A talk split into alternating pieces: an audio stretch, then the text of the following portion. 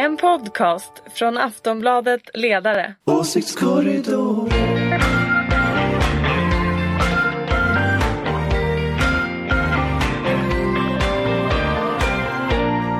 Välkomna till Åsiktskorridoren eh, Aftonbladet Ledarsidans podcast som eh, släpps eh, varje fredag och idag spelar vi in det på fredag förmiddag klockan eh, ungefär drygt 11 är den. Så allt som händer efter det vet vi inte någonting om. Det är Ulrika Schenström Yes, här är jag. som reppar moderater Yes. och Karin Pettersson, Här är jag. Anders Lindberg, Ja! ni reppar sossarna och jag heter Fredrik Virtanen och är eh, folkpartist. Va? Nu kom Fredrik, den. Fredrik har Det varit finns inte centerpartist faktiskt i ett webbtest en gång. parti som heter Du är väl med i Folkpartiet. MUF? Jag har varit med i MUF eh, och nu, eh, Och nu, nu är nu är jag liberal. nu är jag Nu liberal. är det som- Folkpartiet när de har bytt namn. Jag är neutral här men jag skriver ju på ledarsidan på Aftonbladet ibland så man kan Inte riktigt. Man kan göra inte riktigt neutral. Nej, Nej. men jag är på din sida. eh, Just här. I alla fall runt bordet. Nåväl, eh, Lars Adaktusson ska vi ju sluta och stålka men vi hittar inga riktiga alternativ. Jag, du har hört någon, några förslag? Jag har fått ett eh, mejl all, allmänheten? Från allmänheten, en lyssnare som föreslår att vi ska börja trakassera Lars Bäckman, den före detta moderata riksdagsledamoten och Twitterdåren. Och nu är han i Gävle va, som lokalpolitiker? Ja, Han har väl alltid varit i Gävle. Ja. jag tycker det, Ja, jag, jag förstår hur brevskrivaren tänker men jag tycker att det är lite för mycket small fish. Ja. Men går behöver- det att håna Lars Bäckman egentligen? Alltså är det inte bara att man liksom lägger ut någon sån här live-feed av hans Twitterflöde? Jo, Ja, men jag, tror Jag tycker vi ska att, upp ett att vi snäpp. måste Ja. ha någon annan som Ja. kan matcha Lars. ja, hade han, Eh, hade han varit Adaktusson riksdagsman då? fortfarande hade funkat? kanske. Mm, kanske. Man kan föreslå att Lars Bäckman blir talesperson på Moderaterna på någonting. Det är ju en annan, annan spår. Men vi fortsätter uppmana våra lyssnare. Vi kan väl säga så här att nästa vecka bestämmer vi. Ja. Men så till att- dess, vad har Lars Adaktusson gjort i veckan? Tills dess så får, går det bra att komma in med fler förslag. Ja. Jag vet faktiskt inte vad Lars har gjort i Nej. veckan. Okej, ja, då följer det platt. Nu tycker jag vi pratar om det vi ska prata om. Ja, och jag vet inte vad vi ska prata om. Jag har varit jätteupptagen hela veckan, knappt läst tidningarna. Vad har hänt egentligen? Jag hörde någonting om soss, eh, sossarna. Ja, det har hänt någonting i till. någon liten mätning. Ja. Sossarna ska ha åldersgräns på 16 år för att använda internet, eller hur var det? Ja, det ska de också. Man slipper alla nyheter om Men det är liksom. faktiskt EUs fel. Men Jaha, det det går kanske- väldigt, väldigt, väldigt dåligt i opinionen för Socialdemokraterna. Va? Gör det? Ja, Gud, det har jag helt Jag missat. tror att vi ska vara lite seriösa idag. ja. Jo, det ska vi. ja, men det är sant. Eh, Det är kris. exakt, det är kris. Men kan ni, som jag har inte hängt med då, kan ni berätta vad beror den här krisen på?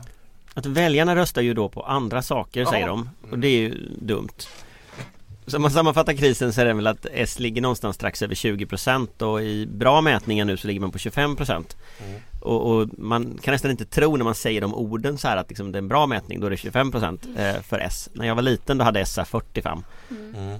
Det var tidigare. Det var, det var bättre Då var för Anders lycklig. Ja, vad har hänt då? Nej, men det är väl så att väldigt många socialdemokrater just nu straffar Socialdemokraterna. Jag är inte så säker på att de här flödena verkligen kommer att hålla. Eh, vi kan titta tillbaka på regeringen Reinfeldt 1 till exempel där opinionen 2007-2008 var en katastrof för den regeringen. Även om det kanske var lättare att hantera på grund av att det var en majoritetsregering så det var liksom enklare kanske att eh, ja, ändå ha humöret uppe. Här har vi ju en situation där jag tror att många socialdemokrater straffar sossarna för att man inte levererar eller inte känner sig eh, att man levererar. Oavsett sant eller inte så tror jag många sossar känner sig lite svikna någonstans. Eh, och, eh, men man ska ju då också komma tillbaka, om man tittar bakåt, att det här brukar hända eh, i mitten på en mandatperiod innan, innan riktigt man vet var saker och ting är på väg någonstans. Jag har ju gnällt länge i det här, just i det här sammanhanget på att jag tycker att politiken börjar haverera eh, överallt. Eh, därför att jag inte tycker att man levererar politik och då menar jag reformförslag på hur människor kommer tillbaka i arbete och hur våra eh, nyanlända ska komma i arbete. Därför att vi kan bli ett enormt rikt och eh, framgångsrikt land ifall vi bara får alla i arbete. Eh, också det här med eh, bostad, bostadsfrågan är stor. Jag tror inte att det räcker och att jag tror inte att vår befolkning tycker att det räcker att man gör ett initiativ på DN Debatt när det gäller Men, bostadsfrågan. men om man höjer, man måste höjer blicken lite från, från de sakfrågorna så att säga. riktigt. Så jag, jag håller med om det. Alltså men, men om man höjer blicken lite så kan man ju säga att S är kris i hela Europa och att eh, vi har sen, sen eh, ganska många år sett en slags överströmning av arbetarklassväljare till högerextrema partier och där S har blivit lite av medelklasspartier i mitten. Och, och, det här har ju inte varit någon särskilt framgångsrik strategi. Det kan vi ju se från land till land att, att det, som, det som händer är att Socialdemokraterna går ner och i vissa länder som i Holland exempelvis nu så håller ju partiet på att kollapsa fullständigt. Nästan som, nästan som eh, det grekiska systerpartiet PASOK då som ju har, har ramlat ner eh, på en nivå så att det nästan inte kommer in i, i, i riksdagen där. Så att alltså, vi, vi ser ju den här trenden överallt. Så att jag, jag tror ju att om man ska fundera på liksom någon strukturell orsak så dels så är det ju det här att man har haft som strategi att liksom lämna arbetarklass, vinna medelklass och då har man inte vunnit medelklassen men man har i alla fall förlorat arbetarklassen så att mm. den liksom strategin har varit tuff och så. Men sen är det också demografiskt att liksom eh, Europa förändras. Socialdemokratin var ett parti som byggde väldigt mycket av sin styrka på, på industrialismen och industrialismens genombrott och nu kommer liksom någonting annat och då måste man klara av att växla över. Och det här nya andra det är lite svårt att, att, ta reda på. En, en som vinner på det, det är ju uppenbarligen de här krafterna som står för, för nationalism och som står för mera inskränkt perspektiv, att man liksom är rädd för förändringen. Att man inte vill att saker ska förändras. Stoppa jorden, jag vill hoppa av. Men där kan ju inte Socialdemokraterna vara utan de måste ju ha ett svar som är liksom Ja, vi gillar den här förändringen och vi vill forma världen på något sätt utifrån den. Och det svaret har vi fortfarande inte riktigt sett. Nej, och sen, jag är, lite... sen är det väl lite konstigt mm. Det går jättesnabbt Karin, jag ska verkligen inte ta Nej men jag går, ut, jag går ut och tar en fika så länge. Men jag, Nej men jag tror att det, det är väldigt konstigt att de flesta partier just nu ändå har abdikerat från att eh, vara eh, de som ändå vill bygga ett samhälle framöver. Och jag tror att socialdemokratin trots ganska många bakslag oavsett att man sitter i regeringsställning eller inte inte har gjort hemläxan att försöka vad, vad är det vi står inför idag? Vad, vad finns vi för? Att man inte riktigt minns varför man faktiskt finns. Och det är ju möjligen så att den här krisen kan leda till att man faktiskt måste sätta sig ner och börja fundera på varför man finns, var är orättvisorna, hur ska vi bygga det här vidare till ett bättre samhälle. Men den frågan verkar inte någon vilja vara intresserad av. Millions of people have lost weight with personalized plans from Noom. Like Evan, who can't stand salads and still lost 50 pounds. Salads generally for most people are the easy button, right? For me, that wasn't an option. I never really was a salad guy. That's just not who I am. But Noom worked for me. Get your personalized plan today at Noom.com. Real Noom user compensated to provide their story. In four weeks, the typical Noom user can expect to lose one to two pounds per week. Individual results may vary. Ta. Jag tror ju att det är så som ni säger, dels är det de här stora strukturella förklaringarna och där behöver man ju eh, göra en annan liksom, omvärldsanalys och göra ett mer grundligt jobb. Vad innebär den här fjärde industriella revolutionen? Vad innebär globaliseringen? Vad händer med, vi, vi såg en rapport förra veckan som visar att Sverige drar isär, alltså klyftorna mellan stad och land är större idag än på 30-talet. Det är liksom stora rörelser igång eh, som påverkar Sverige. Men jag är lite orolig för, för, att man kommer fastna i, när man pratar med socialdemokrater nu, så hör man ganska mycket det här, ja men det här händer överallt och eh, det är en internationell trend och vi kanske inte kan göra, vi är så många partier nu, det är inte så konstigt att vi har så låga opinionssiffror. Och så är det ganska bra, alldeles för bra stämning och alldeles för lite krisinsikt. Och jag tror ju att risken är att man liksom fastnar i det där och så gör man, inser man inte att det finns faktiskt ganska mycket saker man kan göra här och nu. För, att, för här och nu är folk väldigt mycket i tror jag en känsla av att den politik som föreslås är otillräcklig jämfört med de eh, samhällsproblem vi står inför. Då är vi tillbaka till där Ulrika började. att eh, Bostadsfrågan, skolfrågan eh, och så vidare du behöver göra det här grundjobbet men medan du gör det så måste du ta itu med det som folk förväntar sig. Och, och, och, jag tror också att det finns en sak till. Jag tror att svenska folket har tröttnat på alla de här um, riskminimerarna. Mm. Ja, de här uh, fina politikerna som faktiskt bara håller på och försöker att liksom inte få problem eller skapa problem utan vågar då inte göra någonting. Och nu vill jag inte bli mobbad för att jag nämner den här personens namn och det är inte honom som jag skulle vilja rösta på men jag vill bara säga att var är en svensk Boris Johnson? Var får vi fram någon som faktiskt skiter i att den har skit under naglarna, kablar upp ärm ärmarna och faktiskt tar tag i saker och kan erkänna att shit, det blev fel det här. Jag måste göra om och göra rätt. Men nästan alla politiker i Sverige just nu är riskminimerare och, snu- och, och, och duttar runt liksom. Och vill inte tappa väljare. Men, Men- vill heller men- uppenbarligen man- inte få några nya Nej men där tycker jag man kan säga en sak också. Boris Johnson är ju alltså en brittisk konservativ politiker. Eh, som Men tänker mer på formen han, han är ju, nej men han, han, han är ju bara som en, en, person, alltså han, han är ju helt galen, så är det ju. Mm. Men, men om man tittar på honom, Och om man tittar, om man tittar på, på Ja. Corbyn, om man tittar på Ja. alltså Jeremy Corbyn, Labours ledare Ja. i Storbritannien, Donald Trump, Ja. Bernie Sanders. Ja. Alla de här personerna, de, de har liksom, eh, de har ett antal saker gemensamt, de är gubbar. Som jag inte riktigt vet varför det är så att det blir en sån här gubbrevansch just nu Ja, i nu var det inte politiken. Nej men jag det är en sak, det, ja, det Jag är en intressant sak, det har hänt, det har hänt Jag någonting. hoppas vi kan ha en kvinnlig Boris. Ja, jo, det Vi kanske hade finns något. Nicola Sturgeon i Skottland, vi har Hillary Clinton. Det är inte riktigt så enkelt Nej, heller. men jag har inte ens sagt min Och poäng än. Om jag får säga min poäng så kommer Mm, ni ju kanske kanske hålla med om den.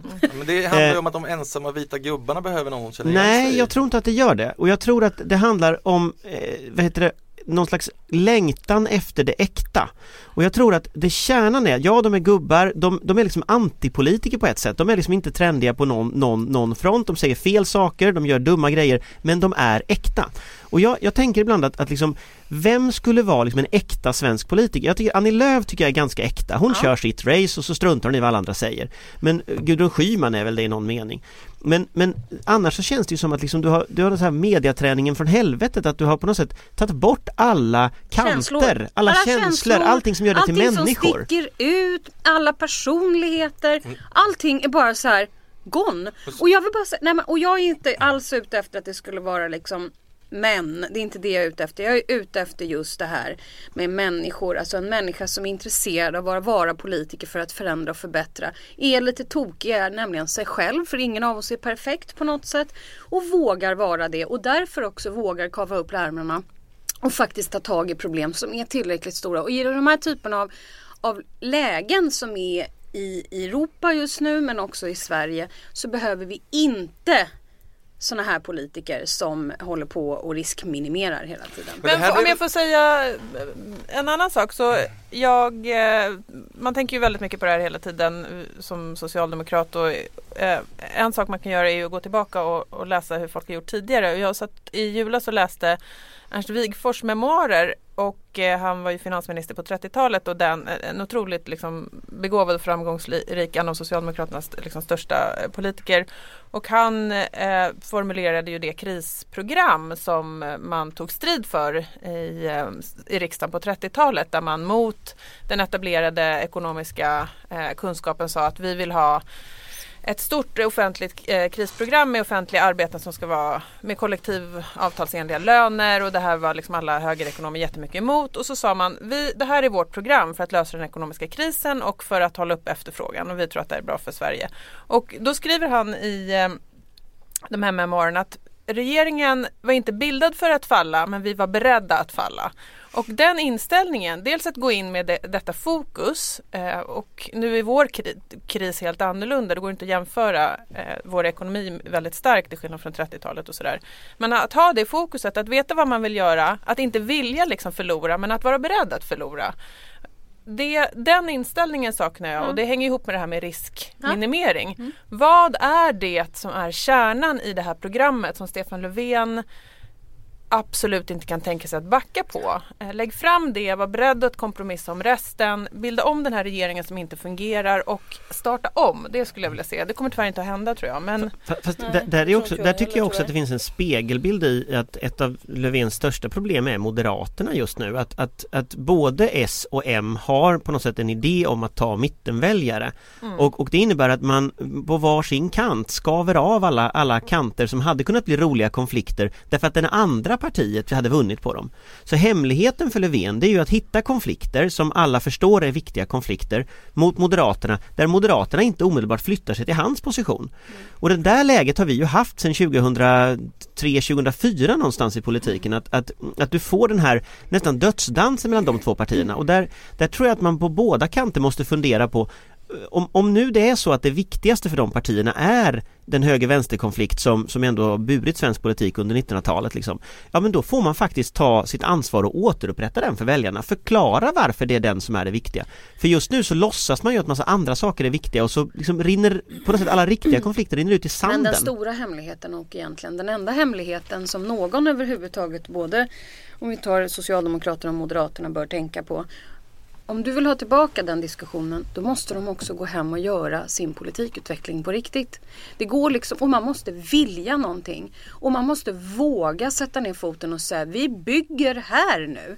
De här, alltså jag pratar med folk i de här kommunerna oavsett politiska färger. Det går inte att skriva en DN Debatt och säga nu tar vi initiativet till ett samtal mellan partierna om bostadspolitiken. Det är ju dödsfjantigt. Först är det ju liksom så här, ja men Ja, det är, det är bra att ni äntligen det är ju bara ett spel. Det är ju ingenting som är på riktigt. Det är ju ingenting som, så här, det kommer inte bli några fler bostäder i, i kommunerna bara för att de har skrivit en fånig DN Nej men det man ska göra då är ju att säga det här är vår bostadspolitik. Vad är er? Och vi är såklart beredda att förhandla. Men ja, att men det gå är lite in... för sent nästan Ja, men jag- till och med det tycker jag. Utan bara kör för fan. Men man Gör gör inte ens något. små saker. Jag kommer ihåg att när jag, när jag en gång för länge sedan jobbade på regeringskansliet då pratade man om så här små reformer i 50 miljonersklassen som var liksom små saker man kunde göra som, som, som skapade ideologisk spänning och även Alliansen gjorde det. Jag kommer ihåg någon Almedalen när alla väntade på vad de skulle göra och så la de så här 25 miljoner till Konkurrensverket. Ja, just det. det Det var in, inte, inte helt lyckat sådär Det va. var Men, 08, 08. ja okej, men det gick inte jättebra för alla bara skrattade åt det för det var för lite. Men Opinionen var också 20% under under S Jo, men grejen var, eh, bara, vad, vad, vad, Alliansen gjorde var att de vevade de vevade och vevade och vevade med de där små reformerna Vilket resulterade i att de vann faktiskt valet sen. Så att, så att om man liksom, om man faktiskt gör någonting De och- vann valet på finanskrisen. inte de vann valet på 25 miljoner finanskrisen Men det faktum att de inte gav upp Det faktum att de fortsatte köta Även om de låg jättedassigt till var liksom en helt annan inställning. Det var en helt annan rörelseriktning i Men det jag, där. men jag tror att ett problem nu för eh, Löfven det är att han kommer ju efter hela tiden. Alltså nu kommer ju, vi skriver idag på ledarsidan att nu måste det bli en regeringsombildning och vi har gjort det länge och massa andra krav kommer från organisationen och eh, krav på politikomställning. Om han gör det nu, då kommer det ju bara ändå uppfattas som reaktivt. Han kommer hela tiden steget efter istället för att liksom leda i en förändringsprocess eller leda i en idé om vad den här krisen beror på eller leda och liksom ta initiativ som som är före. För att det blir också ett problem när man liksom Gör Man- ett man paket, man lägg fram det. Ja men gör någonting som också eh, överraskar i ambitionsnivå. Tror jag. Jag tror inte Jo, men riktigt på och- din och- idé där Anders om 25 miljoners reformer. För jag tror att Men det gör människor... Nej, Ja, det är förstå- det, då Jag- gick det att göra det för vi hade inte Nej. de Jag samhällsutmaningar tror, som jag vi har tror, idag. jag, jag lovar att om, om de hade bestämt sig för att de tre närmsta veckorna så ska de hålla två stycken presskonferenser i varje vecka eh, som, som statsministern ska hålla tillsammans med en fackminister och på varje presskonferens ska han berätta någonting som ingen hade förväntat sig, något som överraskar. Så lovar jag att då kommer vi att sitta hela det politiska kommentariatet och sitta och diskutera vad är det sossarna har föreslagit för politik i några dagar efter varje gång. Och det Jag var väldigt, det väldigt länge sedan det tror jag. Och titta på Moderaterna, de kan säga liksom, de kan stå och mumla i talarstolen. Eh, De får ändå positiv media på det därför att de säger någonting som inte alla andra sagt innan. Och skulle du vara först att göra något överraskande så är det faktiskt krasst så att då kommer alla att prata om Jag det. tror, att, jag tror att socialdemokratins problem är osannolikt mycket större än att lägga fram några små reformer hit eller dit eller pengar eller Jag tror att det kan vara en början. Jag Nej. tror ju den som agerar på det sättet är ju eh, Anders Ygeman som eh, ställer sig varje dag och säger att eh, Men nu tycker jag han har tappat i formfråga. Alltså, nu, jag tycker inte Nej, men han alls dominerade igår dominerade nyhetsflödet eh, totalt genom han att var säga att liksom, vår, asyl, vår han asylprocess ska...